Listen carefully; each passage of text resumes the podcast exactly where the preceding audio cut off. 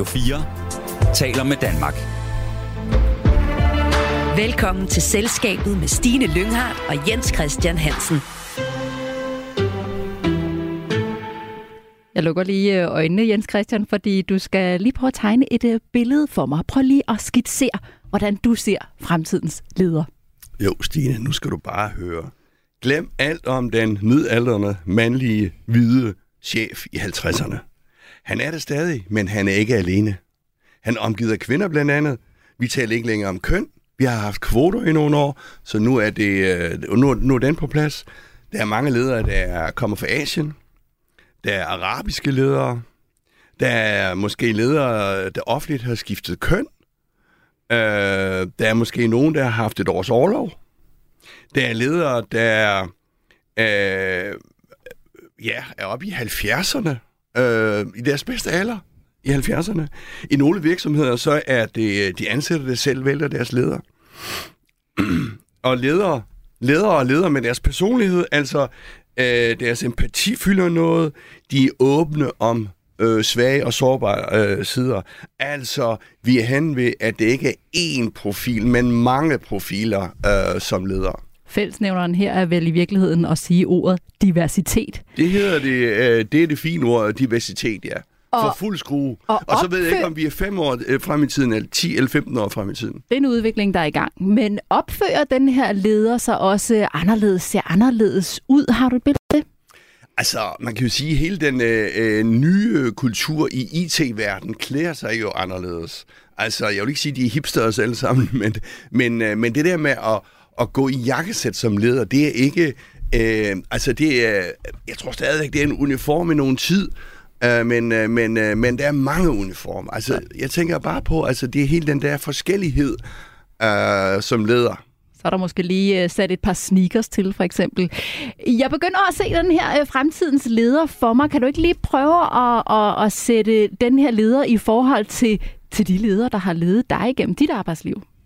Jamen, det var jo sådan øh, øh, mænd, øh, typisk, hvis vi går øh, 15, 20, 25 år tilbage i tiden, så var det mænd, og jo længere der kom op, så var det jo sådan nogle mænd, der ikke skulle vise øh, svaghed. Det var jo sådan nogle øh, barske, lidt, øh, lidt barske mænd, de skulle bare ud og, og give den øh, en skalle, og så skulle de kigge på, på bundlinjen resultatet, og så var det øh, succes, jo større øh, bundlinje det var. Så det er sådan en, altså over et par årtier, et markant skifte, synes jeg. Jamen, øh, vi åbner øjnene igen og kigger fremad på, hvordan øh, fremtidens leder ser ud. Det gør vi på baggrund af et meget ærligt interview i Berlingske med Novo Nordisk topchef Lars Fruergaard Jørgensen. Han er chef for en milliardsucces og har 55.000 medarbejdere. Men bag den flotte titel gemmer sig en introvert person, der ofte har brug for pauser. Og Lars Fruergaard fortæller også, at da han var yngre, fik han ondt i maven ved tanken om at stille sig frem. Og han frygtede, at han ikke var god nok. Det er bare noget af det, som Novotop-chefen åbner op om, og spørgsmålet er, hvad det betyder for en virksomhed og for medarbejderne at have en leder, der er åben om sine usikkerheder, og om det er noget, vi vil se mere af blandt fremtidens ledere. Det kunne jeg i hvert fald næsten fornemme over ved dig, Jens Christian, at du mener. Vi tager det op her i Erhvervsmagasinet Selskabet i dag. I dag vi har som altid et erhvervspanel med os, og det består i dag af Pia Torik. Hej Pia. Hej. Du er headhunter og medejer af Ingvartsen Partners, og her arbejder du blandt andet med at rekruttere til ledelsesposter og bestyrelser. Så jeg er selvfølgelig nysgerrig på at høre, hvad I egentlig kigger efter, når I rekrutterer. Der var altså en cliffhanger her. Vi har også besøg af Jakob Christian Andersen. Hej Jakob. Hej hej. Du er selvstændig konsulent inden for den finansielle sektor. Velkommen til Selskabet. Du lytter til Selskabet på Radio 4. Men først skal det handle om de videregående uddannelser, for der er store forandringer på vej i uddannelsessystemet, hvis det står til regeringen. Overordnet set er der lagt op til, at der skal være flere forskellige typer af kandidatuddannelser, så de studerende kan gå flere forskellige veje og få nye muligheder for at videreuddanne sig hele livet. Men det indebærer også, at op mod halvdelen af pladserne på landets kandidatuddannelser skal forkortes fra to år til et år og tre måneder. Det er både de studerende og universiteterne selv stærkt utilfredse med. Men også en række socialdemokratiske borgmestre er ude med riven, fordi de mener, at uddannelsessystemet vil blive svækket markant med reformen. Men hvad mener erhvervslivet, som skal tage imod kandidaterne? Det får vi nogle reaktioner på her fra vores eget erhvervspanel. Lad os starte over hos dig, Pia. Hvad mener du, er der behov for at nytænke kandidatuddannelserne? Ja, det synes jeg. Uh, et, så synes jeg, at uh, der er nogle af de her kandidatuddannelser, der er blevet for teoretiske, uh, og det er jo, der er jo et behov for, at de kan komme ud og agere ret hurtigt. I erhvervslivet, der synes jeg også, at det, som jeg husker, Tommy Ahlers foreslog, at vi havde en bachelor, og så gik man ud, og så var man aktiv i erhvervslivet, og så kunne man komme tilbage, og var garanteret, at man kunne få sin kandidat. Det synes jeg også, vi skal tænke ind i. Må jeg ikke lige spørge, hvad mm. mener du det her med, at, man, at det er blevet for teoretisk? Hvad betyder det for jo, erhvervslivet? Jamen det betyder jo, at de kommer ud, og så er de rigtig stærke på videnskabsteori, men så meget bliver det ikke efterspurgt. Lige så vel som at nogle af de, hvis vi går ind på CBS, så kan man jo se, at de har, de har microeconomics, de har industrial economics, de har rigtig meget, hvor det er, at de skal bruge meget, meget, meget store, lange ligninger på at lave en udbuds- og efterspørgselskurve. Og det er der ikke rigtig, rigtig mange, der sådan bruger. Og det er ligesom om, at det er sådan en stopklods. Den skal man ligesom forbi og have så meget matematik. Og der, når du så kommer ud den anden ende, så er det altså ikke nødvendigvis det, du skal have på, altså på det niveau. Så, så er de overuddannede, eller de forkert uddannede, eller hvad er det? Hvor er det ligesom mismatchet er? Jeg vil i hvert fald sige, at, øh, at det, det, på, på CBS er der på nogen af, af kan man sige, fagene, der er du næsten på statskundskab-niveau, hvor det, det er ikke det samme, der skal bruges. Det er klart, hvis det er, at du vil læse FIR eller mat, øh, kan mærke mat, så kan jeg godt forstå det, men der kan også være nogle af linjerne, hvor det, det bliver simpelthen overdrevet så meget matematik og de, altså, differentiering med tre øh, ubekendte og hvad ved jeg. Hvornår fanden får vi behov for det i hvilke roller i, i erhvervslivet. Så derfor synes jeg, at der er behov for, at der bliver, øh, det bliver tydeligere, hvad er det for niveau, at de skal kunne det her, og det samme med videnskabsteori, hvor man tænker, Åh oh, jo, men altså, det, hvornår er det? Altså, fordi det er som om, at så bliver folk guidet i retning af en Ph.D., og så mange Ph.D.'er skal vi altså ikke have produceret. Så, det, så jeg synes, der er, no, der er selvfølgelig, jeg synes helt klart, der er noget videnskabsteori, der er i orden øh, et niveau, men det bliver bare måske nogle gange overdrevet ikke kun på CBS, men i hvert fald måske også andre steder. Så du mener faktisk også, at det kan være godt, at man forkorter nogle af uddannelserne? Ja, altså nu har vi jo, jeg, jeg er jo helt vild med den der medicinuddannelse, hvor der er en blanding mellem praksis øh, og teori. Der er både øh, øh manduktion, det vil sige små klasser, og der er forelæsninger, og der er altså mange koblinger, der rent læringsteoretisk er rigtig stærkt. Og så er de der faktisk i de der seks, hvad ved jeg, mange år. Så der har man jo en lang uddannelse, der er rigtig stærk, øh, og det vil sige, sige, vi har jo allerede lavet en differentiering imellem, at nogle uddannelser ikke nødvendigvis er de der 3 plus 2.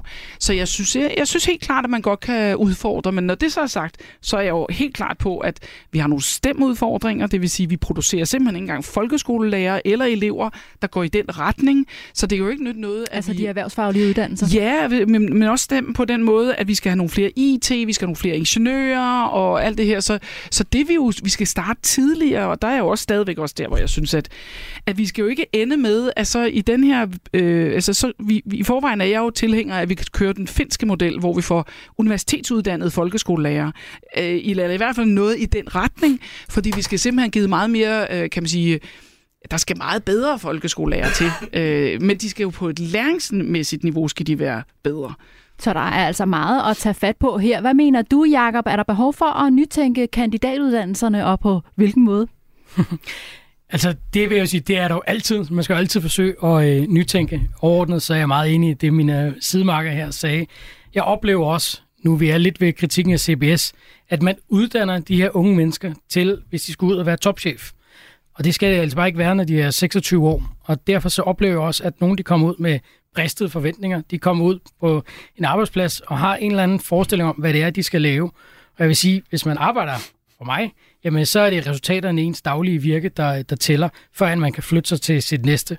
Og øh, hvis man har en forventning om, at man skal være topchef inden for to-tre år, så bliver man slemt skuffet. Og det oplever jeg faktisk mange af de her CBS-studerende. Nu har jeg selv læst der i tidernes morgen, men, men dem, der for eksempel kommer derfra.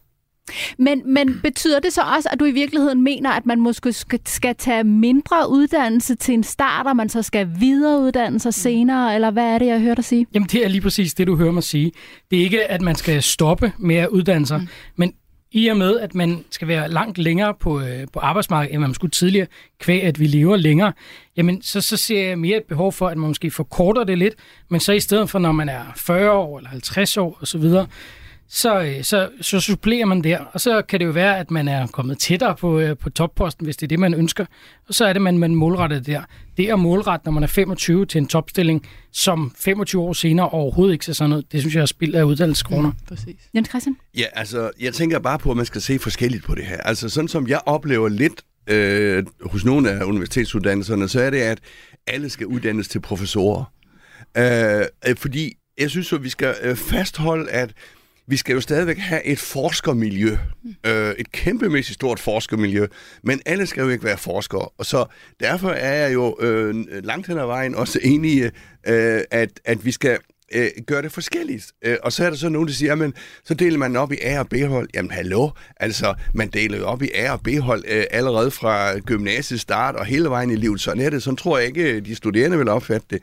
Altså hvis du har lyst til at gå forskningsvejen, eller øh, en PhD og videre forskningsvejen, jamen så er det måske der du skal øh, øh, hen, men hvis du skal ud og have job i det øh, private erhvervsliv, og sådan set også i det offentlige, jamen så, øh, så kan du godt nøjes med en, en, en, en, kortere øh, øh, basisuddannelse, synes jeg. Så du Og så- mener i virkeligheden også, det er godt det her, som regeringen jo i virkeligheden lægger op til det her med, at der er nogen, en stor del af uddannelsen, som, hvor kandidatuddannelsen skal være kortere, men så er der jo også nogen, der skal være længere, Ja, hvor man skal synes jeg. specialisere sig mere, og måske er forskervejen, som du Ja, siger. altså jeg håber ikke, det fra regeringens side er en spareøvelse, fordi jeg hører jo også, at de siger, at øh, de mest hardcore er, nu skal vi øh, skære ned på SU, øh, fordi det er det højeste, altså SU'en, altså øh, hvad hedder det, øh, statens uddannelsesstøtte øh, til mange af de studerende, som man kan få i, øh, det, det er sådan med klip og sådan noget, jeg tror det er en 5-6 år, man kan få det.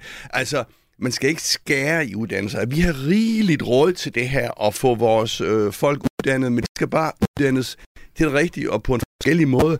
Og så er jeg meget enig i det, som Jakob siger, hvis jeg forstod det ret, at jeg tror fremover, vi vil komme til at se, at hvis du tager en uddannelse som 25-årig, jamen den passer måske ikke som 40-årig, 45 og måske skal du ind i et helt nyt forløb, to-tre år som 45-årig. Øh, så øh, ja til at lave øh, universitetsuddannelserne om, øh, eller et nyt, øh, en, en uddannelsesreform, men altså man skal bare gøre det på en rigtig måde, og så skal man ikke tænke det som en spareøvelse. Opfatter du det som en spareøvelse, Pia? Nej, det synes jeg ikke, jeg gør, men det skal det jo heller ikke være. Jeg synes rent faktisk, at en effektivisering kunne være interessant, fordi der er rigtig, rigtig mange, der nærmest har selvstudie. Der er rigtig mange, der har nogle undervisere, der stadig kører meget digitalt, det vil sige, de sidder bag ved en eller anden skærm. Der er rigtig mange, som gør brug af nogle forskere, som ikke aner, hvad pædagogik er. Det vil sige, det at formidle og sørge for, at folk faktisk forstår det, der foregår, det er der heller ikke godt nok fokus på. Så øh, du kan få øh, nærmest en, en studerende fra sidste år, der er bedre til at undervise i faget end en forsker. Og så synes jeg, så lad forskerne forske, og så en gang imellem lad os øh, få dem ud og, og drysse noget af, men så lad dem drysse af til nogen, som måske er på et højere niveau, som så kan lære videre. Fordi det der med, at, at vi bruger nogle dyre forskere, øh, kan man sige, penge til at undervise øh, unge studerende, som i bund og grund skal have noget basisundervisning, det synes jeg er spild. Det er vel en lignekspert som dig også, tænke, ikke? Ja, så, altså, enig. så jeg synes simpelthen, der er for lidt pædagogik, der er for lidt forståelse for, hvad er det for nogle læringstrin, man skal igennem. Og der har medicin simpelthen de rollemodellen på, at, og det er heldigvis der, fordi der er ingen nogen af os, der synes, at de skal ud og skære eller diagnostisere os forkert. Men af en eller anden grund, så er der på rigtig mange andre uddannelser, der er der sådan en spareøvelse. Jeg læste også om en kant skændt eller statsvidenskab, jeg ved ikke, ikke en af de her, som, øh, som påstod, at hun havde altså ikke været til mundtlig eksamen i fire og et halvt år. Og jeg bare tænker, hvad sker der? Lige så vel som vi jo hører i folkeskolen og i gymnasiet, er der ingen, der får feedback. De får bare karakterer. Så det dur bare ikke. Det fungerer ikke. Der er ikke læringskvalitet i ting. Men det sjove er jo, Pia, når du snakker om mm. øh, læger, altså, det er sådan lidt af den gamle mesterlærer, Jamen, det er jo det der. øh, kan man sige. Ja. Og det er de der koblinger mellem teori og praksis, som man måske øh, som kunne... vi igen øh, skal kunne, have tilbage i folkeskolen. Ja, det kunne man jo godt ja forestille sig, præcis. Ja. tænker jeg. Hvordan mener du, Jacob, at man kan skabe en bedre kobling mellem studie og arbejdsliv? Jeg kan jo ironisk nok se, at i det team, jeg er ansvarlig for nuværende, der er der faktisk øh, et par unge gutter. Øhm, det kunne også have været kvinder, men som er i gang med deres speciale. Og øhm, hvis ikke det var, fordi jeg havde en daglig interaktion med dem, så er jeg slet ikke sikker på, at jeg vil være opmærksom på det, fordi de arbejder altså fuldtid. Så det, det for mig, det giver jo en rigtig god kobling mellem, at de, de ser, hvordan fungerer det faktisk at være på en arbejdsplads. Hvad er det for nogle udfordringer, som vi, som vi ligger og kæmper med? Samtidig med det, så, øh, så får de alt praktikken, øh, undskyld, de får praktikken fra, øh, fra jobbet, og så får de øh, det teoretiske fra uddannelsesinstitutionen. Det jeg også håber, det er jo så, at når de så skulle skrive speciale, hvis det er det, at de så skriver noget, som man kunne bruge som øh, ja, arbejdsgiver. Ja, fordi det var det, jeg skulle lige til at spørge. Hvad giver det dig som arbejdsgiver? Ah, altså, det, det giver jo lidt, at øh, man har mulighed for nogen, der kan dykke ned i nogle ting på et helt andet niveau, end hvad jeg selv kan man sige, både evner og har tid til at gøre. Øhm, og de vil måske kunne gøre det sammen med en studiegruppe, hvis det er det. Så de kan specialisere sig og komme frem til nogle ja, findings, undersøgelser osv. På, på et helt andet niveau, end hvad jeg selv vil have mulighed for. Hvad mener du, Pia, i forhold til det her med at skabe en bedre kobling mellem studie og arbejdsliv? Er det noget, man øh, efterspørger ude i virksomhederne? Der er ingen tvivl om, vi har rigtig mange studerende ansat, og vi synes også, at studerende skal have et øh, job ved siden af deres studier, men vi skal passe på, at det ikke tager overhånd. Altså nu har man jo lige hævet muligheden for at have endnu mere erhvervsarbejde, og jeg ser jo også øh, studerende, der stort set ikke møder op, og der synes jeg bare, vi betaler gratis øh, studie, vi giver dem SU, øh, og det er jo ikke fordi, at tilstedeværelse gør, at de bliver bedre, når det er i forvejen er så ringe undervisning nogle steder.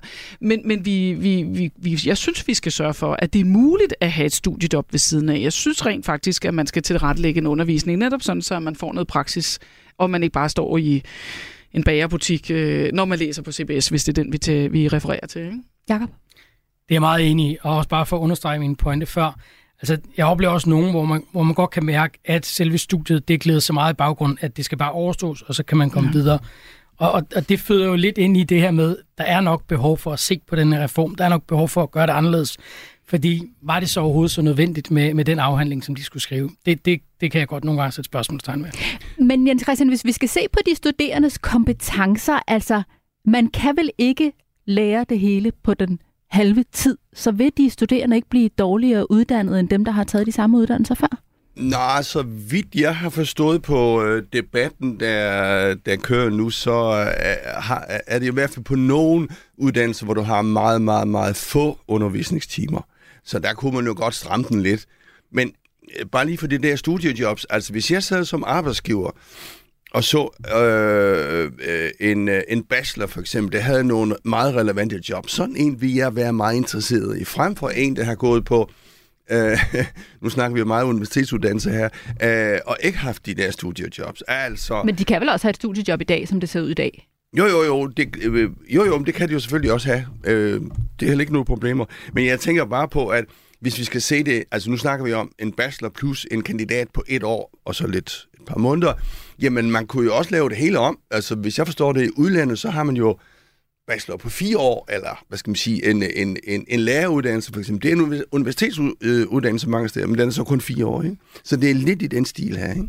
Du rystede også på hovedet, Pia, i forhold til deres spurgte det her med, hvordan man kan lære det hele på den halve tid. Jamen, så er vi tilbage til, hvad er det for en kvalitet, og hvad er det for en output, fordi de putter jo mere og mere på i pensum, men de tager ikke det gamle ud. Når jeg sidder og ser på noget af det pensum, der er nogle af de steder, så bliver jeg faktisk forarvet, fordi jeg synes, der er nogle af de teorier, og noget af det pensum, som jeg siger, undskyld mig, vi er kommet langt længere. Der er kommet nye motivationsteorier, og sidder I stadigvæk og, og skriver om, øh, om øh, cutter og leading change. Og, altså, øh, der synes jeg simpelthen, der er kommet nye forandringsteorier, der er kommet, hvor jeg sidder egentlig og tænker, ej, you gotta be kidding me. Er det stadigvæk pensum? Men Pia, hvis mm. du sidder og skal læse et CV igennem med to kandidater, som har den samme uddannelse, men den ene har læst i fire år, og den anden har læst i fem år. Og du skal sidde her i den her hurtige sortering, du sidder med 100 i din bunke. Mm. Vil du så ikke umiddelbart gå med den, der har den længste uddannelse?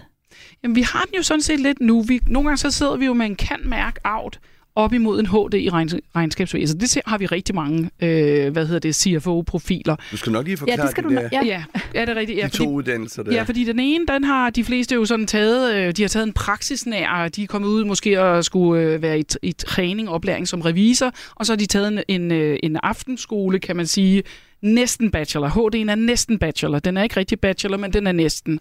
Så det vil sige, der tager de jo så en fireårig, hvor de to år tager de basis, og tager de øh, regnskab og revision oveni, når de tager en HDR. Øh, og den anden, det er jo øh, altså tre års, øh, hvad hedder det... Øh, bachelor plus en kandidat, og så kommer de ud faktisk også og skal have en, ligesom lidt en, en advokatfuldmægtig stilling. Altså de skal ud og have noget, øh, noget af oveni. Så det vil sige, det er jo noget længere. Det er markant længere. Og den bliver helt klart også tungere i forhold til netop, hvor meget er du blevet udfordret på at lave netop matematiske analyser. Så det er klart, det er to, det er to der er forskellige ka- karakterer her i øh, og karat. Men er der ikke, Pia, Ja. ja. en risiko for, at om nogle, om nogle år, hvis det her kommer til at træde i kraft, at hvis du sidder med to med fuldstændig den samme uddannelse, de har den samme titel, den ene har, har læst i fire år, den anden har læst i fem år, og så vil du umiddelbart i den her store bunke af ansøgninger, så vil du vælge den, der har læst længst. Det kommer an på, hvor praksisnært jeg har behov for. Hvad er det for en kultur? Hvad er det for en virksomhed? Og så vil jeg jo sige, at netop nogen er mere praksisnære i deres tilgang til. De er kommet lige så langt, de kan lige så meget. Det, I gamle dage var der jo nogle gange også en forklaring på, man, hvorfor man ikke kom i en akademisk retning. Nu er der ikke nogen undskyldning med social øh, baggrund for mig at se. Men, øh, men man har måske ikke været klar. Jeg har lige, øh, jeg har lige øh, en legal counsel her for nylig, hvor at, at vedkommende startede som tømrer, og så bliver han, øh, så, så omskoler han sig så at sige til at blive kant jur. Øh, det er altså ikke så tit, vi ser sådan noget, men det kan jo lade sig gøre, fordi man troede, at man var mere praksis, og så, så ender man et andet sted. Så du tror på, at man vil læse mere ned i, end hvad der bare lige står Altså, på min- CV'et? Jeg vil sige, at man går ind og interesserer sig for mere end bare uddannelsen. Det er jo øh, primært de humanistiske og samfundsvidenskabelige uddannelser, der skal skæres i. Jakob, er du enig i, at det lige præcis er de uddannelser, der skal forkortes? Uh, ja. Det er svært for mig at svare entydigt på. Det, der vil jeg næsten... Øh, Pia nikker, så jeg vil næsten kaste bolden over til dig og se, om du har noget at byde ind med Jamen, der. jeg synes jo, vi har siger stem, og vi siger stem og stem og stem. Så jeg synes, det er utroligt, at... Fordi nu har jeg jo to masteruddannelser, efter jeg har været en kandjur og en HD i udenrigshandlen. Så jeg har betalt selv for egen regning, at øh, jeg har gået på en universitet og, og taget henholdsvis positiv psykologi og ledelsespsykologi for Aarhus og for Aalborg Universitet. Og jeg kan jo ikke forstå, at der ikke er nogen, der måske har gået CBS-vejen, som måske gerne vil have noget, noget ingeniør eller noget andet bygget ovenpå, så man kunne tage en master i det. Og der kan jeg ikke forstå, at, at det ikke er det, vi prioriterer. Og dermed også siger til os selv, måske er det, er det fordi der er mange samfundsting, som, eller humaniora-ting, man kan bygge ovenpå. Du har Ja. også en kommentar, Christian. Ja, jeg tænker lidt på, altså, man skulle måske ikke, kunne man godt kigge på de sådan set gammeldags håndværkeruddannelser, ja. ikke? Altså, det er typisk sådan fire år, det er i praktik, og derfor er det jo mange, som øh, en tømmer for eksempel, der, der bliver arkitekt, øh, mm. en, øh, en elektriker, der bliver elektroingeniør, mm. øh, og, øh, og så videre. Og VVS, det er også en helt stor videnskab. Altså, pointet er sådan set bare, at vi fra den vej rundt øh, har jo den der øh, praktiske øh, uddannelse. Den kunne man måske godt lære lidt af. Ja, og sygeplejersken, der bliver læge. Ja. Der, der bliver læge, det er jo Ja, en ja. super måde at starte ja. på. Ja. Jakob, hvad tænker du, der skal til i forhold til det her med, hvis der også skal, blive, der skal være bedre muligheder for, at vi kan efteruddanne os hele livet, og måske endda også starte forfra i løbet af livet? Hvad er der brug for her? Altså, der er jo to muligheder det, i ens hvad kan man sige, senere arbejdsliv. Det ene, det kan jo være, at noget faktisk bliver SU-finansieret. Så man er 45 år, så kan det være, at man siger, at nu hopper jeg 12 måneder ud, og så får jeg SU igen, og så læser jeg nogle, nogle tilvalgsfag og dygtiggør mig på den måde. Så, så det jeg på at sige, det er, nu, nu snakker vi økonomi før. Altså, man kan sige, øh, som jeg har forstået det, så er regeringen meldt ud, at det her det er ikke en, en spareøvelse, det handler om at øge arbejdsudbuddet. Så, så det, at man, man kan gemme noget til, til senere, det vil jeg synes var en fantastisk mulighed. Så, så for mig, så, så handler det meget om det her med, at man kan skubbe det til senere, og så opkvalificere sig eller efterkvalificere sig. Det lyder bare meget let, det der. Altså, jeg tænker bare på, hvis du ligesom er i øh, dit forløb som øh, 45-årig, du har hus, øh, to børn, du har hund, du har Volvo, du har det hele, og så en god indtægt, og så pludselig skal du tilbage. Yes, du får SU. Så jeg tror bare, man skal have det mere på en eller anden måde regnet ind, det her. Altså, man kan jo ikke sådan... Hvordan gør vi det? Ja, det er del med, det er et godt spørgsmål. Jeg ved ikke, altså skal man sælge huset for ligesom at komme tilbage på skolebænken? Det tror jeg ikke er mange, der vil, der vil gøre på det tidspunkt der. Men øh, Det har du et forslag til, Jacob? Ja, men man skal have arbejdsgiveren med på det. Mm. Det er der ingen tvivl om. Øhm, de, nu har jeg selv læst en, en HD, og øh, det, altså det, man kan jo godt selv betale den, men, men for mig var det ekstremt vigtigt at, øh, at have arbejdsgiverens, ikke bare finansielle support, men havde jeg den finansielle, så vidste jeg også, at der også var mulighed for at sige, om jeg har brug for at gå lidt før øh, fredag, fordi jeg skal ind på studiet og så videre. Mm. Men det skal vel også komme arbejdsgiveren til gavn, så? Det skal det, og det er jo også det, som, som jeg mener, det gør. Man kan sige, det vi jo så kæmper lidt mod, det er det her med, at folk de er kortere og kortere på en arbejdsplads. Det er så et andet problem. Pia? Nå, men jeg er jo fuldstændig enig i, at vi skal kunne efteruddanne os. Vi skal huske på, at tager man en master, så kan man rent faktisk oven på en master, som er en efteruddannelse over i efteruddannelsessystemet, kan man læse en Ph.D., hvis det er det, man vil. Og jeg mener også, at vi, kan, vi ser jo mange arbejdsgiver, som faktisk går med ind og finansierer en MBA. Øh, så det er jo helt klart en mulighed, lidt ligesom at man kan sige, altså lad mig optjene nogle, øh, nogle øh, point øh, på min arbejdsplads, og så øh, kan jeg måske netop få finansieret noget efteruddannelse. Lad os runde af her. Både Dansk Erhverv, de små og mellemstore virksomheders organisation SMV Danmark og Dansk Industri er i øvrigt generelt positive over for regeringens reformudspil. Dansk Erhverv er dog bekymret for, om for mange kandidatuddannelser skal forkortes. Radio 4 taler med Danmark. Pia Torik, Jakob Christian Andersen, Jens Christian Hansen. Vi skal have en quiz. Det er nu, vi tester, hvor godt I egentlig har fulgt med i erhvervsnyhederne. Vi deler jer op i to hold, ligesom vi plejer. Pia og Jakob spiller sammen på det ene hold, og Jens Christian er på det andet. Vi spiller nemlig gæsterne mod erhvervskommentatoren. Og ifølge faktisk er meget godt ad, stillingen er lige nu 5-4 til gæsterne. Nå, lad os se, hvor godt I har fulgt med i den forgangne uge. Det gælder om at være hurtigst på pletten med det rigtige svar, så det er bare op med lappen, hvis I tror, I kender svaret. Og Pia og Jakob, I må selvfølgelig gerne lige vente med hinanden, inden I kommer med jeres endelige svar, men altså op med hånden, hvis I har et bud. Quizzen handler denne gang om det danske dagligvaremarked. Der er jo sket en hel del på det seneste. Det er kun et par måneder siden, at den tyske discountkæde Aldi meldte ud, at den lukker samtlige 188 butikker og siger farvel til Danmark efter 45 år her i landet. Og så fulgte, I skriver allerede svar, før I overhovedet har fået spørgsmålet. Nå, nu skal I høre. Så fulgte Coop efter med endnu en stor nyhed for en måneds tid siden, nemlig at de skærer gevaldigt ned på antallet af kæder. Både Kvickly, Superbrusen og Irma lukker og bliver lagt sammen i en kæde, som kommer til at hedde Coop. Men hvilken kæde går den modsatte vej og udvider nu antallet af butikker? Så du lige, hvor lynhurtigt øh, Pia havde armen op, Jens Christian? Jo, men kunne vi ikke skrive ned? Fordi jeg har også det rigtige svar. Åh, men det er jo kun, hvis man har armen Nå, op okay. samtidig. Var det øh, simpelthen svaret, I skrev, før jeg overhovedet havde stillet et spørgsmål, eller hvad har I skrevet over på jeres lap? Altså, jeg har skrevet Rema. Jeg tror, det er Rema eller Lidl. Men okay. Det er Lidl. Det er Lidl. Er I enige derovre Det er på det hold? Ja, Fordi det er vi enige i. I er enige i, at det er Lidl. Ja, var det også det, du ville have sagt, Jens Christian? Nej. Men det er Lidl. Det er nemlig Lidl. Det er altså en anden tysk discount-gigant, som vil udvide med over 60 nye butikker her i Danmark i løbet af de kommende år. Nu må du ikke lade Jakob penge, han gav dig faktisk lige en high five, Pia.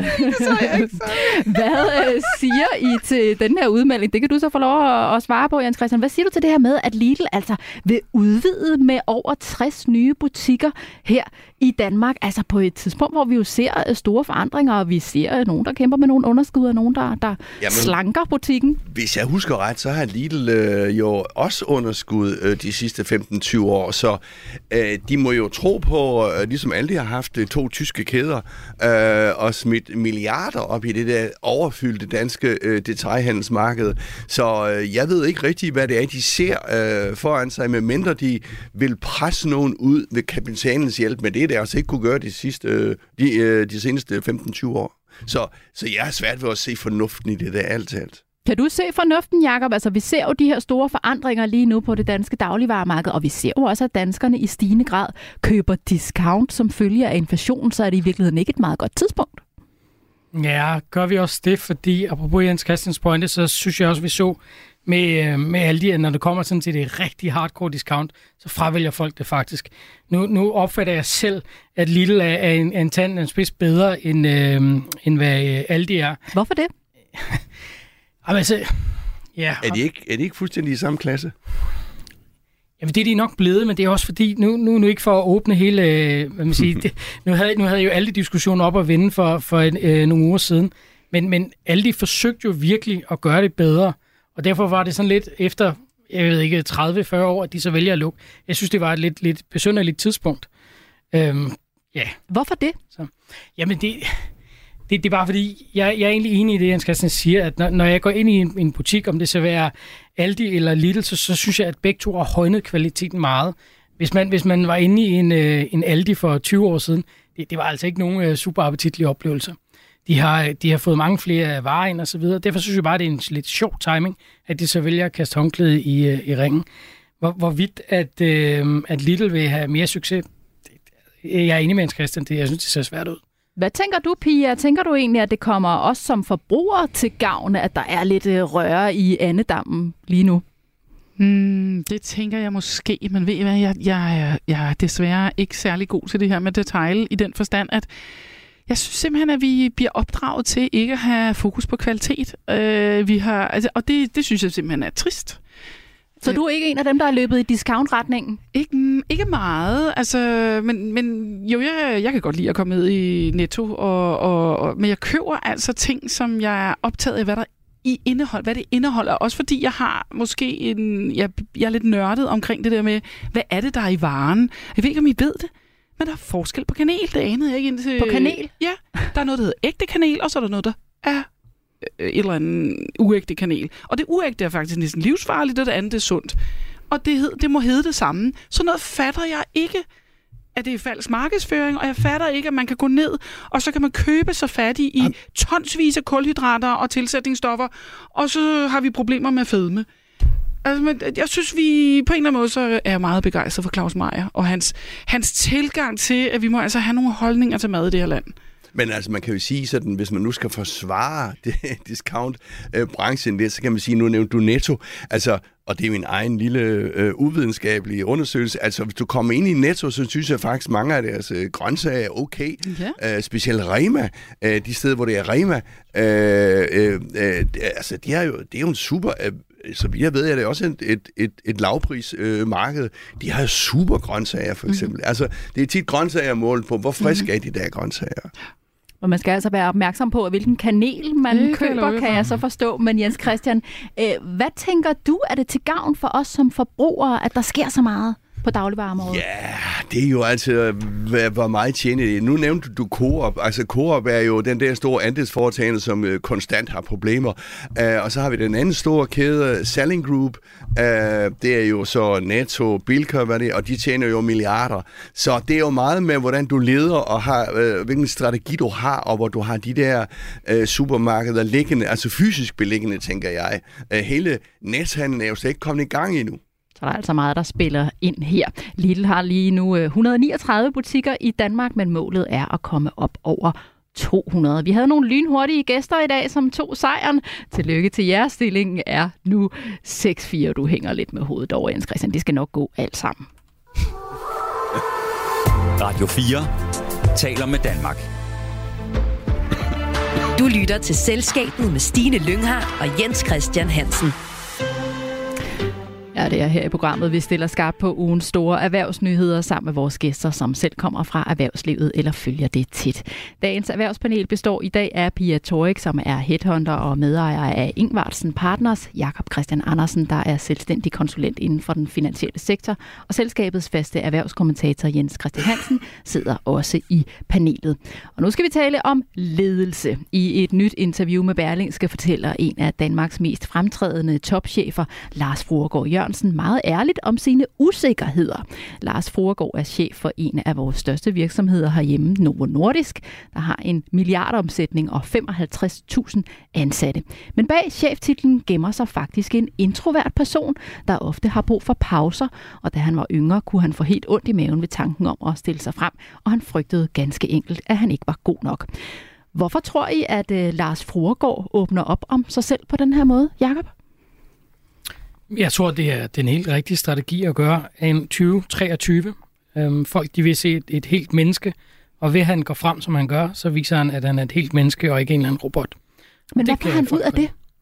Jamen, jeg tror, at det, det her, det er, det er ikke nødvendigvis bare kommunikation eksternt. Det er også kommunikation internt, forstået på den måde, at når man har 55.000 ansatte, så når man medvirker i et interview, så medvirker man lige så meget til kommunikation ud til ens medarbejdere. Og jeg, i min optik, så skaber det her, det skaber tillid til ham som topleder blandt de medarbejdere, han har ansat. Og det er en kæmpe styrke at have, som, hvis, hvis man er Lars Fogård. Er du enig, Christian? Ja, og jeg tænker på, jeg tror faktisk også, han er ærlig. Altså sådan som jeg kender Furgård, så er han ikke en, der i, har, siddet med sine øh, eksperter omkring sig og udtænkt en eller anden øh, kunstig strategi. Det er ikke en øh, del af en kommunikationsstrategi, det her. Ja, altså, men, men, men jeg tror, han, er, han skal have sit menneske med i det også, ikke? Og i og med, at han har siddet i jobbet nu i 5-6 år, øh, så får du også noget tyngde og noget, øh, hvad skal man sige, som, øh, som, som chef, ikke? Altså, man kan sige, Furgård er vores absolut nummer et topchef i vores lille land. Så alle vil kigge derind. Det betyder sindssygt meget, hvad han siger. Men nu har han så blevet klædt på, kan du sige, øh, de der 5-6 år, øh, som han har siddet der til, at ture sige de ting, have måde til at sige det. Han sagde det jo ikke, da han ligesom kom ind i 2017 og sagde han, hør nu her, jeg er svag, øh, jeg er øh, introvert, jeg er det ene og det andet. Ej, du skal ligesom Havde det have... været et problem, hvis han gjorde det dengang? Uh, ja, det ved jeg, det kunne jeg godt forestille mig. Altså, jeg tænker på, at du skal have noget, øh, du skal have noget uh, kapav at stå på, altså en, en, en, en, en grund at stå på, øh, eller et fundament at stå på, øh, for at du kunne sige det. Uh, men altså, tingene ændrer sig meget hurtigt i disse år, men jeg tror ikke, han kunne komme afsted med at sige det for seks år siden. Hvad betyder det så, at han siger det i dag, at han viser noget usikkerhed? Jamen, det er den der måde, og jeg tror meget, det er internt selvfølgelig, øh, at, øh, men, men, men, øh, men, men det har jo også stor øh, ekstern betydning. Altså hele rekrutterings, øh, det kan Pia sige meget mere om, men alle de unge, der sidder nu rundt omkring, nu har vi snakket om studiepladser, og de vil jo have en, en leder, som de kan se sig selv i. Ikke at de alle sammen skal være ledere, men at de kan se nogle værdier der. Og de der værdier, en virksomhed har, purpose, som det så smukt hedder, altså det skal være ærligt ment. Altså du kan ikke have en eller anden, som stiller sig op kunstigt og siger det. Så det skal være ærligt ment, og, og, og det skal være funderet i virkeligheden. Ikke? Og jeg føler lidt, at Furgård, han siger, det er et ærligt hjerte. Det kan være, altså fejl. Havde du også en kommentar, Jacob? Ja, jeg synes, det er en rigtig god point, Jens Christian har. Altså, i den periode, der er aktien er vel tredoblet eller noget i, i den dur. Så, så han har ligesom bevist sit værd. Så man, man, det, det er svært at stille spørgsmålstegn ved det, han gør. Fordi hvis man gør det, så skal man jo bare kigge på, hvordan markedsværdien for virksomhederne udvikler sig. Det, det, det, jeg er helt enig i, det havde været noget andet, hvis nu for eksempel at han meldte det samme ud, kort efter han var ankommet, og så begyndte det virkelig at gå skævt for virksomheden. Så tror jeg, det vil blive brugt imod ham. Er du enig her, Pia? Mm, for det første så vil jeg sige, at øh, da, da Satya Nadella tiltrådte som topchef i Microsoft, der sagde han, at vi skal have en high-performance kultur, men den skal være funderet på det, der hedder en growth mindset øh, fundament, det vil sige en læringsorienteret øh, kultur. Det vil sige ikke en kultur, hvor det er, at vi har nul fejl, og hvor vi ikke tør videndele, og hvor vi ikke tør fejle, men netop en kultur, hvor det er, at vi hele tiden er i gang med at blive bedre. Og det tror jeg rent faktisk, at øh, det det, Fruergård også sender som signal her. Vi skal have en kultur, hvor det er, at man er på rejse. De fleste topchefer, der træder ind i topchefrollen, eller i, altså, de er jo også på en rejse i at lære at blive topchefer. Og det at sende et signal af, at jeg har også været på en rejse, jeg er også i en læringsforløb, det sender et signal i retning af noget psykologisk tryghed i hele organisationen. Vi er alle sammen i gang med at lære nye ting, og det skal vi for øvrigt også alle sammen, fordi der kommer jo hele tiden nye ting imod os, hvor det er, at vi netop ikke bare kan læne os tilbage og sige, jeg har en bachelor, en kandidat eller et eller andet. Vi skal alle sammen lære for at følge med i de her tider. Så det er også new normal, det er, at vi skal lære. Og, det, og det skal, der skaber man i virkeligheden rum til fejl. Præcis, og det er det, som øh, den, der, den forskning, som taler ind i det her med psykologisk tryghed, som blandt andet Google også har arbejdet rigtig meget omkring det. Hvordan kan vi skabe en, en kultur, hvor det er, at vi har teams, der kan hjælpe hinanden, og, og lige, lige så vel talenter, altså hvis vi taler inden for fodboldverdenen eller et eller andet, hvordan kan vi skabe i eliteverden, at vi godt tør gå efter at toppræstere efter guldet, men vi ved også godt, at for at kan nå dertil, så skal man træne. Det er ikke noget, man får givet på forhånd. Og det at tro, at topchefer, de har fået det foræret øh, med en guldske, det er de fleste topchefer kommer jo fra en eller anden, altså rigtig mange af dem kommer fra en baggrund, hvor det er, at de må knokle sig til det. Det er ikke noget, de bare har fået foræret. Det, det er et signal at sende, både til sine medarbejdere, til, til unge mennesker, og især i de her 12-talstider, hvor det er, at man på Instagram også skal se fantastisk ud fra starten af. Der tror jeg, det er rigtig vigtigt, at vi sender et signal til vores medarbejdere om, at vi har en kultur i vores virksomhed, hvor vi i gang med at lære hele tiden. Og det er jo lige tænker... præcis, ja, du skal nok få i ordet, Jens Christian, men jeg vil bare lige tilføje, at det er lige præcis også det, Lars Frogaard mener, at der er brug for et opgør med perfekthedskulturen. Jens Christian? Jamen, jeg tænker bare på, om øh, vi øh, kunne se sådan noget her også. Øh, Altså om ledere med svagere bundlinjeresultater tør øh, gøre de her ting. Det mangler jeg at se. Altså Fruergaard, han er jo i en øh, virksomhed, så tjener bunker af penge. Øh, hans kollega Søren Skov, i øvrigt også en, der er kendt, han er introvert nede i AP Møller. En anden stor virksomhed, som tjener bunker af penge. Og disse to introverte mennesker, som måske befinder sig bedst ved et Excel-ark, øh, tog for nogle år siden en en Pride, mm. altså den der Pride-t-shirt på, for at, og det kan være, at nogen sagde, at det er et markedsføringsgimmick, og det kan da også godt ske, men det virker bare sådan lidt stærkere, når sådan nogle to typer øh, går ud og og giver sin øh, billigelse til, til hele Pride og hele den der mangfoldighedskultur. Er du enig her, Pia? Det vil vi ikke se en, der måske havde en lidt øh, dårligere bundlinje? Altså, det kunne jeg godt forestille mig. Det, vil, altså, det giver noget mere gennemslagskraft, at man taler ud fra en succesfuld øh, fundament. Det er der ingen tvivl om. Men jeg har sådan siddet og tænkt på det som, at vi ser rent faktisk rigtig mange topchefer, som er introverte. En Henrik Poulsen er heller ikke voldsomt ekstrovert. Øh, en øh, Jørgen Vig Knudstorp er heller ikke voldsomt ekstrovert. Der er faktisk ret mange, der er introverte. Hvis man går ind og kigger på sådan en jung, øh, så er det jo interessant, at lige præcis dem, som er rationelle, dem, der er abstrakt tænkende, dem, der kan se helhed og sammenhænge, og introvert, det er faktisk dem, som Jung definerer som de visionære øh, i forhold til de ekstroverte, som er dem, der rigtig gerne skaber forandring. Øh, så, så vi kan jo sådan gå ind og se, at nogle af de der introverte, de har stor bundbredde måske i at forstå nogle, nogle sammenhænge og se, hvad er det måske, vi skal... Og så er det, at de måske skal levere det til nogle af de ekstroverte, som går ud og eksekverer på det og, og får det til at ske. Øh, ja. Hvorfor er det, Jacob, så, at vi vi egentlig sådan stusser lidt. Vi stopper lidt op, når vi hører, nå, er han introvert? Nå, og både Søren Skov, som uh, Jens Christian også nævner her, og nu uh, Lars Froregård, de indrømmer, at de er introverte, men vi stusser sådan lidt over det. Hvorfor det? Det er, fordi det er forholdsvis nyt. Hvis vi sammenligner med forgængeren, som også hedder Lars, men Rebian til efternavn i Novo Nordisk, så betragter jeg ham egentlig som en modsætning. Øhm, jeg skal ikke kunne sige, om han er introvert eller ekstrovert, men øh, han var, han var god til at, til at tale, han var god til at præsentere visioner og så videre eksternt, øh, og sikkert også internt. Så, så, så for mig at se, så, så er det en forholdsvis ny, ny tendens. Jeg synes også, vi ser det med Eris i Danske Bank. Men er det, er, det, er det fordi, vi med lederrollen forbinder det med en, der er mere ekstrovert, eller hvad ligger der i det? Det har vi, øh, det har vi i hvert fald gjort øh, hidtil. Um, ja, det, det, det, sådan synes jeg, at det har været, jeg ved ikke, de sidste 10, 15, 20 år. Hvorvidt det vil ændre sig nu? Hmm, jeg er svar skyldig på det. Jeg ved ikke, Pia, du havde hånden op, du, så også. Nå, ja, men det er fordi, at øh, nu apropos det her med diversitet, og vi kommer til at se nogle topchefer, hvor der måske er flere kvinder.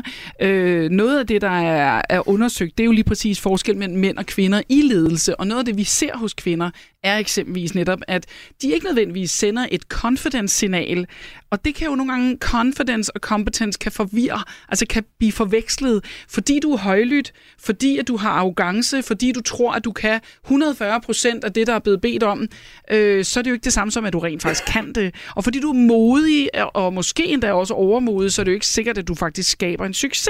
Mens at den beskedne leder, den lyttende leder, den, den involverende leder, som rent faktisk er en af de ledere, som hvis man arbejder med det, der hedder Agile, som rigtig mange virksomheder, både i pharma og i IT, øh, der er rigtig mange, der arbejder med det her med, at man hvis man arbejder med, med det her med, at noget forandrer sig hyppigt.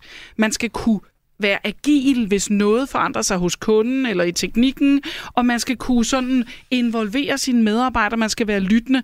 Lige pludselig, så, så og det bliver oversat også til et ord, der hedder servant leadership, det vil sige, du skal ikke nødvendigvis gå forrest og være den klogeste og være den styrende, du skal være den faciliterende, og ledelse kommer fra mange steder i en organisation blandt andet.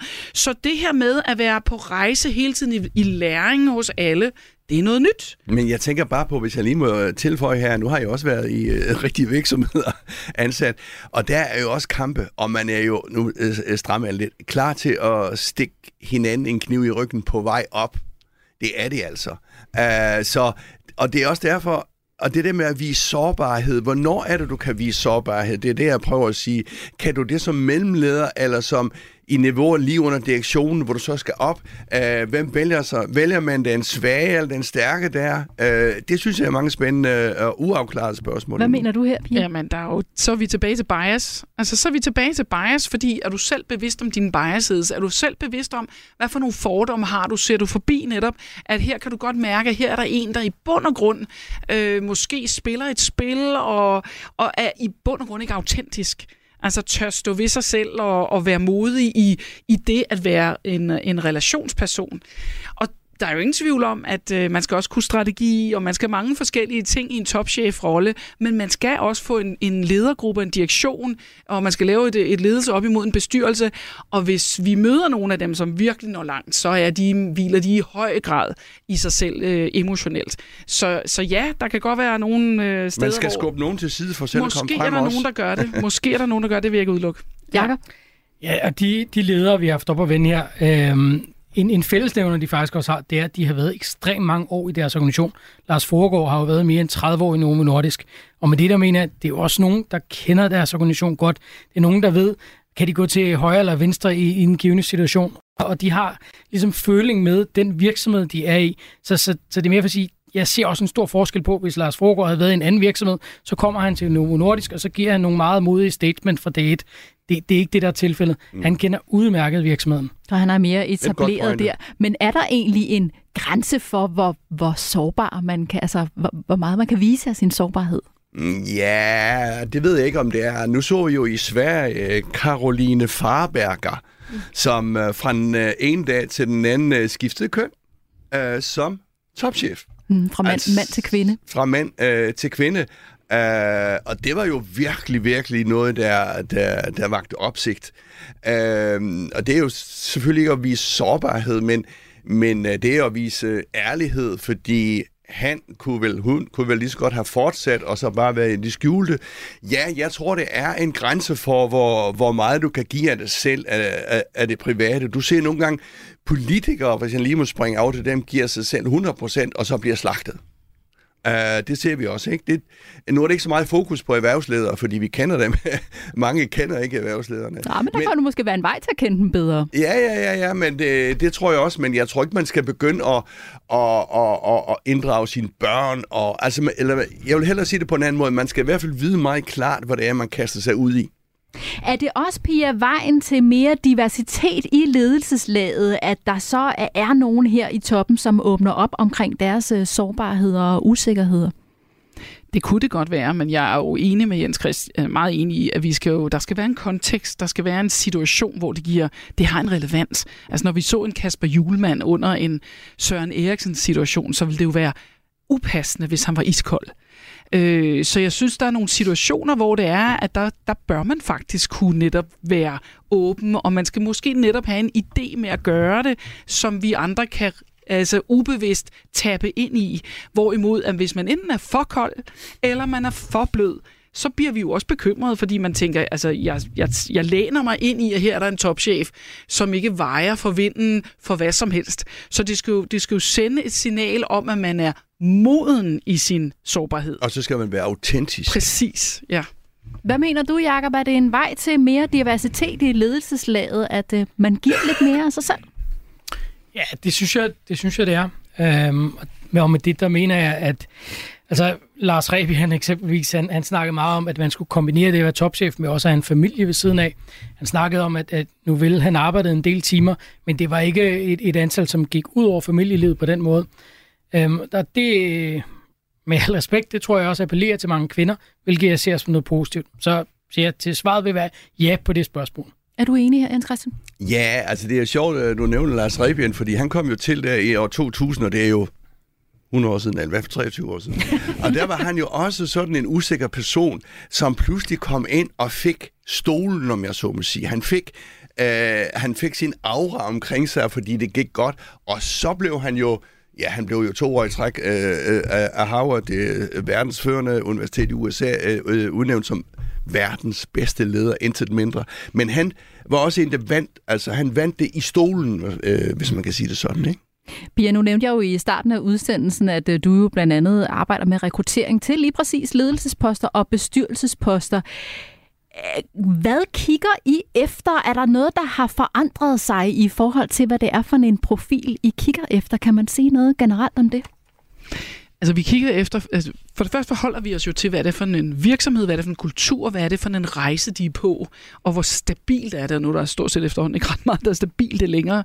Men det er klart, hvis det er en kapitalfond, der er på vej til at skal lave en exit, så kigger vi jo efter en profil, som har den sense of urgency, øh, og kan gå ind og, altså så vi, det kigger vi også på. Vi kigger på sådan noget, som netop skaber vedkommende en sund kultur, og derfor går vi jo ind og mapper, hvad er det for et, et, et værdisæt og mindset, øh, som vedkommende kommer ind med. Så vi kigger på rigtig mange ting. Vi kigger også på deres evner til konflikthåndtering, vi kigger på deres evne, deres grundoverbevisning omkring change management, så vi kigger på rigtig mange ting, når vi assesser dem. Og der er jo også rigtig mange, der tester personlighed i, mm. i sådan en proces her. Mm.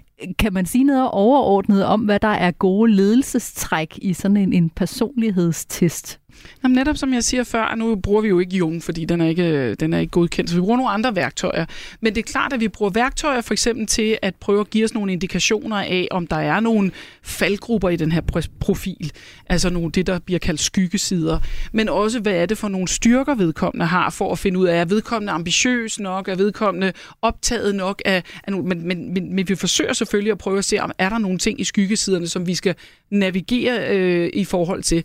Men vi er meget optaget af, hvad det er for en form for, kan man sige, ledelsesforståelse vedkommende har. Lad os runde af her. Lars Fruergaard Jørgensen har været i Novo Nordisk i 32 år og har arbejdet i flere forskellige dele af virksomheden, og siden 2017 har han siddet i spidsen for det hele.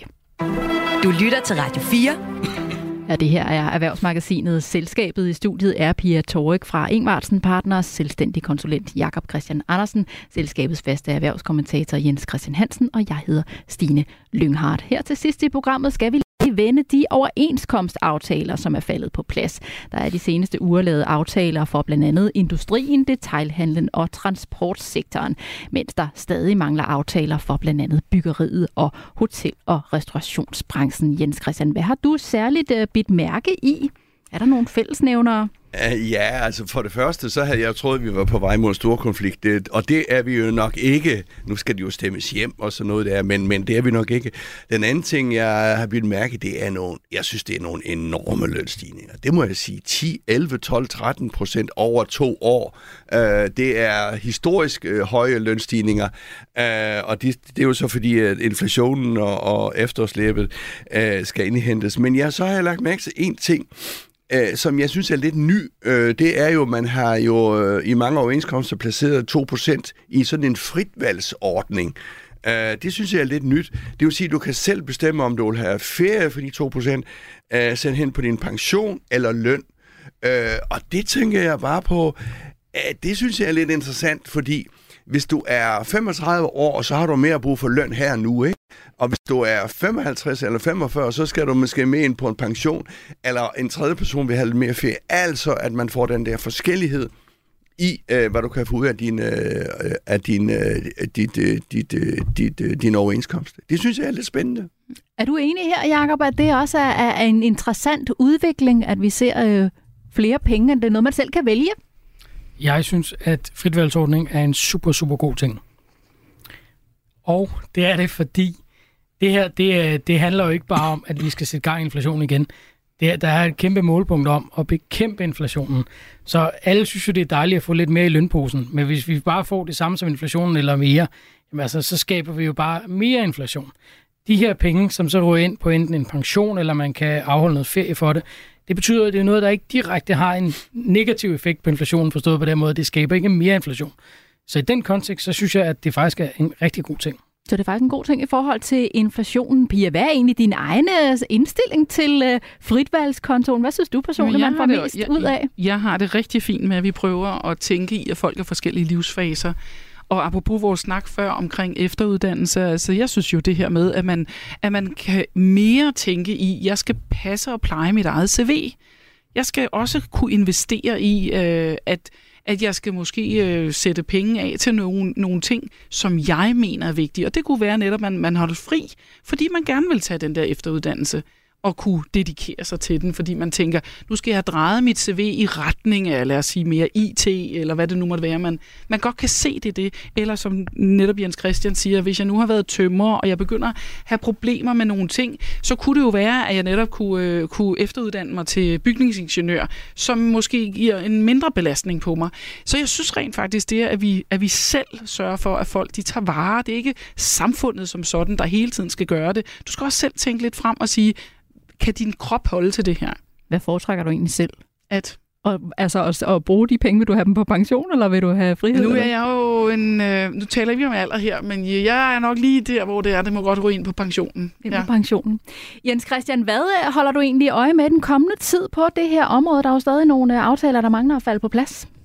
Ja, men øh, det... Altså, du tænker på overenskomstområdet øh, her? Jamen, vi ganske skal kort. lige have dem øh, stemt hjem.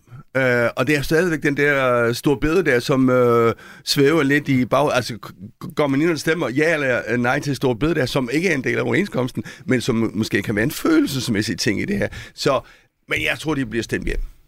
Vi følger med i, hvor øh, overenskomsterne lander den kommende tid her, og nu er vi nået til vejs ende i denne udgave af Selskabet. Tak til vores gæster, Pia Torik, Headhunter og medejer af Ingvartsen Partners, Jakob Christian Andersen, selvstændig konsulent i den finansielle sektor, og til dig, Jens Christian. Vi ses igen i næste uge. Programmet er produceret af Beam Audio Agency for Radio 4. Tak fordi du lyttede med.